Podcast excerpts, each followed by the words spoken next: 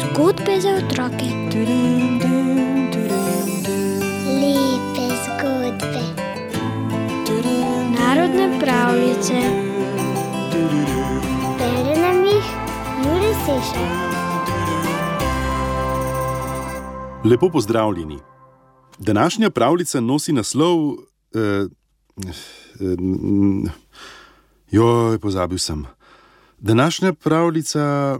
Ja, ukrajinska je. Pozabljiva brata. Pozabljiva. ja, o pozabljivih bratih. Trem bratom so umrli starši in postali so sirote.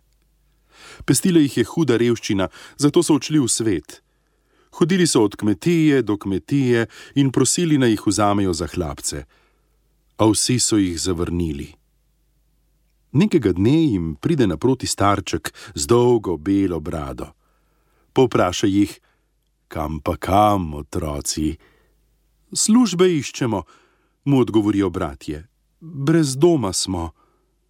Starček pomisli in reče: Če hočete, jaz poskrbim za vas. Samo na dobroto ne smete pozabiti. Bratom je bila ponudba všeč. Šli so starčkom in nekaj let živeli v njegovi skromni hišici, dokler niso odrasli. Nekega dne so šli starčkom po svetu. Hodili so po temnih gozdovih in širnih poljih, ter prišli do velike, lepe hiše. Ob hiši je stal vrtiček. Pred hišo pa je lepa deklica pometala in si pela, starejši brat zavzdihne: O, ko bi imel to deklico za ženo mm, in vse to bogatstvo. Starček reče: Pa jo pojdimo zasnubiti, a na dobroto ne pozabi. In res, deklica je privolila, njen oče tudi. Praznovali so poroko in starejši brat je postal gospodar velike kmetije. Brata sta starčkom šla naprej po svetu. Prišli so do velike, lepe hiše. Mimo je tekla reka in ob njej je stal mlin. Pred hišo je lepa deklica skrbela za cvetlice, srednji brat si zaželi, o, ko bi dobil to deklico za ženo in tale mlin. Starček reče: Pa jo zasnubimo, samo na dobroto ne pozabi. Zasnubili so dekle in praznovali veselo poroko.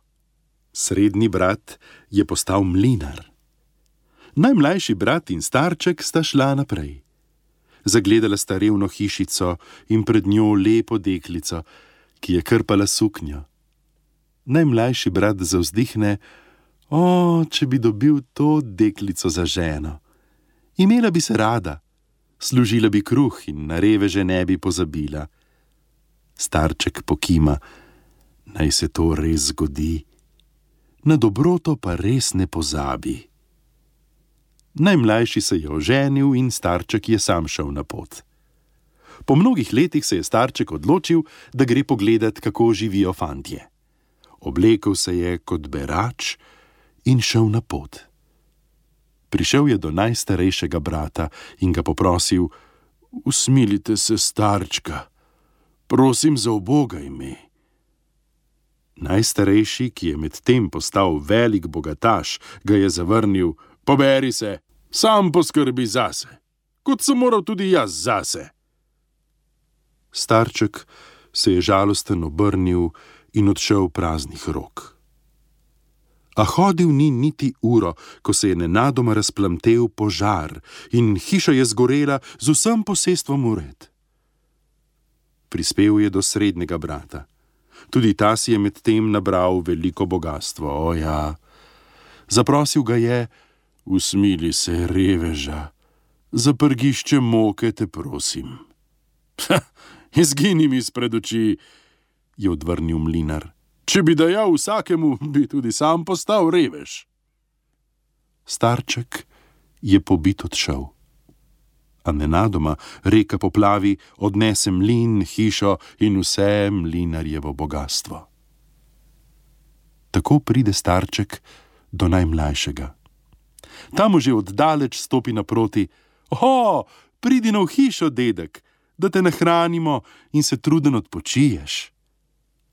Stopil je v skromno, čisto in toplo hišo. Sin mu postreže s kruhom, gospodinja pa mu prinese čisto srajco in hlače. Ko je noč legla nad dom, sta starčku postiljala v svoji posteli, ona dva pa sta se z otroki umaknila na peč. Zjutraj. Zjutraj sta se zbudila v čisto novi, svetli hiši. Skrinje so bile polne, kašča se je šibila od žita, polja so valovila z novimi posevki in tedaj se je sin spomnil na starčka, ki je za nje tako lepo skrbel. On je, on ga je prešinilo, stekel je v sobo, a v starčku ni bilo več ne duha, ne sluha.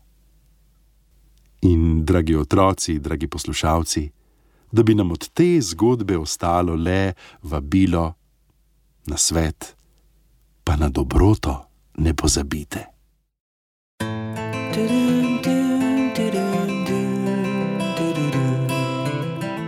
Zgodbe za otroke. Lepe zgodbe.